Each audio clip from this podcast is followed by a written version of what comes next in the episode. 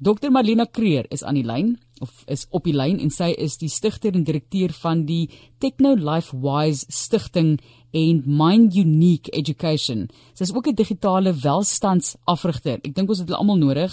En dokter, ek sit hier met my selfoon voor my. Ek is op sosiale media, so gesels mense met my en dit is dalk nog al 'n probleem. Dit is so deel van my werk en my lewe. Jy kom by die huis en jy die hele tyd daai selfoon is heeltyd naby jou en as jy vir 'n oomblik stil sit, dan sien jy nie net stil sit of iets kyk op die televisie nie, jy moet televisie kyk en jy moet jouself van by jou hê. Dit raak eintlik maar nog 'n probleem nou. Voel baie welkom.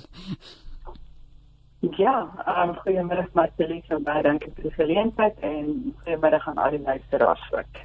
Hoekom is dit belangrik dat ons fokus op internasionale digitale welstandsdag en aandag gee aan hierdie geweldige stres wat ons ervaar wanneer ons nie die hele tyd 'n verbinding is nie? Ja, ek dink dit is nogal um, interessant om te besef. aan die een kant is dit swits, so ons sê die nommer probleem wanneer ons nie die hele tyd onsself binne by ons het nie, ervaar ons stres. Maar die werklikheid is ook, um, ek dink ons liggame is nou so gewoond daaraan, dat ons nou as ons dan afskakel ons vir afstand kry daarvan, dan voel dit vir ons, ons het nou stres en ons raak dalk angstig en ja, oor 'n langer termyn het dan natuurlik ander negatiewe sielkundige effekte en so meer. Ehm um, maar dit is ook vir my interessant om om te weet dat sonder ons selfone of met ons selfone wanneer ons nou aanhoudend boodskappe kry en ons weet nie wat dit is nie kan dit ook stresvol wees. jy weet so aan die een kant is dit 'n gaping wat veroorsaak word van probeer en ons voel belangrik En aan die ander kant het ek ook was dit ook al in omgewings waar iemand sê maar ek wil nie hierdie self van nou antwoord nie. Nou daai voordeel is natuurlik aan die een kant as jy dalk kan sien wie skakel dan kan jy dalk kies om nie nou te antwoord nie, maar jy gaan nie waarskynlik nie nog baie tyd met antwoord. So maar ek dink ons fokus vandag op ons moet kan 'n goeie verhouding hê met onsself en ons um, tegnologie in die sin dat dit nie die meeste moet wees nie en ons moet uh, hoef ook nie te voel dat sonder ons selfone kan ons eintlik nie rustig wees of kan nie gemaklik wees nie.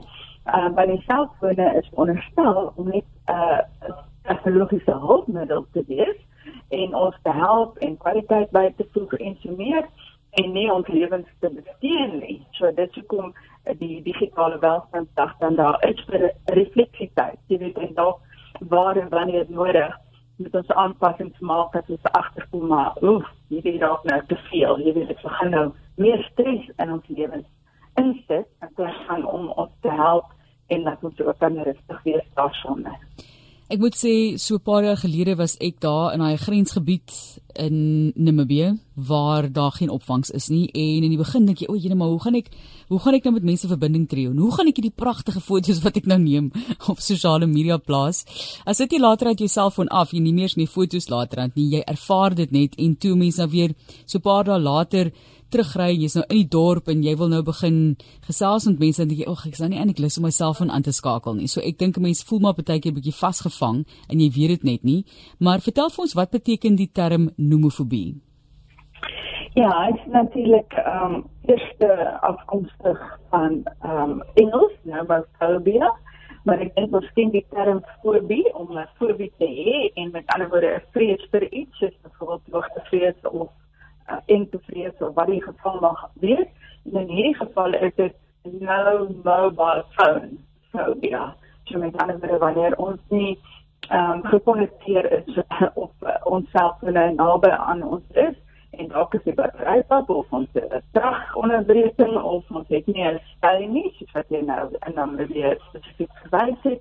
Maar uh, en met ander woorde repeteer ons dan daarop om ehm um, te, te uh te ervaar hoe reageer ek? Jy weet dit is uh, uh, um, is gemaklik daarmee om wel eintlik afstand te kan doen van my foon jy weet en dat ek net 24 ure dag aan hom gekonnekteer hoef te wees nie en ek ook gemaklik is as ek daar sonder is dan het gee jou eintlik dalk net 'n geleentheid om 'n bietjie af te taal jy weet net ja. jouself mens te wees so dit is nou nog probeer vir baie hoe reageer ons as jy bang, as jy vrees, ervaar jy angs, as jy ervaar jy stres wanneer jy nie ehm um, dat selfoon naby jou het nie of om nie kan gebruik nie omdat dan nie skyn is nie of die batterye tot wat wat die geval mag wees ja. Gesels met ons oor navorsing wat al oor nomofobie gedoen is en simptome asseblief. Ek sal maar kyk of ek hier iewers op op die simptome val. Lyk hom nog nie vir my asof ek enige van daai simptome het nie. So dankbaar. ja, ek dink die ehm uh, die term dit is nogal insiggewend om tog um, te weet dat dit alreeds in 2008 die eerste navorsing gedoen is in die in Engeland en in die Verenigde Koninkryk en waar hulle toe na die term um, identifiseer en beskryf het vir hulle uh onder navorsing gedoen van die postkantoorwerkers om te kyk hoe ze reageer hulle sonder 'n selfoon in hulle hand of laat hulle nie weet gekonnekteer is. So dit is nou eintlik al 'n term wat 'n langer tyd kom, maar ek dink die werklikheid is natuurlik betrokke al hoe meer alledaags, dit is miskien meer sigbaar en kan ook na die ongelukkig uh, voorloper wees van ook skermverslawing, jy weet of tegnologie verslawing in die groter prentjie. So dit is nagevors, daar is ook meer navorsing um, en 'n refleksie al gedoen daaroor. Dit is natuurlik ook baie baie belangrik om te besef dat omdat dit 'n angsversteuring kan wees en simptome soortgelyk daaraan, uh, jy weet 'n paniek um, angsversteuring uh, is is die simptome ook soort gelyk daaraan. So aan hoe voel jou liggaam? Is as jy gestres met ervaar jy dan baie spanning, angstigheid, ehm um, het jy 'n verandering in jou asemhaling? Jy weet, begin jy ehm um, meer oppervlakkig asemhaal of vinniger asemhaal? Uh, jy kan ook selfs neuroses ehm um, in jou hande of net um, sigbaar sien, sweet uh agitasie, jy weet of goed van draad is regtig geïrriteerd met die feit dat die krag nou af is en jy nie gekonnekteer is nie en jy het nie nou te gaan tot wifi nie en jy voel net sommer afgesny van die wêreld en daarom dan ook dis gedesoriënteerd. Jy weet um, jy weet nie eintlik wat om nou te doen met jouself as jy nie gekonnekteer kan wees en um toegang daartoe hê nie en selfs 'n versnelde hart tempo as jy dit laat jou hartklop verander. So dit is tipiese angssimptome of soort gelyk daaraan en daarom uh, wanneer mense oor hierdie toestand praat, dan is dit 'n kwessie van dat as jy as ons meer bewus daarvan is, dan kan ons meer reflekteer daarop. Met en ek sien maar dit begin ek so voel of ervaar ek hierdie simptome wanneer myself van nie binne bereik is nie of ek vergeet of ek het ontfer gebeur, jy weet, dan ja. kan ek daar sonder wees. Och, diep diep awesome en ja, mens moet jouself so 'n bietjie kans gee om weg te kom van daai selfoon af van daai konnektiwiteit af. Ek is geneig om baie keer die selfoon net een kant te los en 'n hele ander kamer weg te loop, ander goed te gaan doen.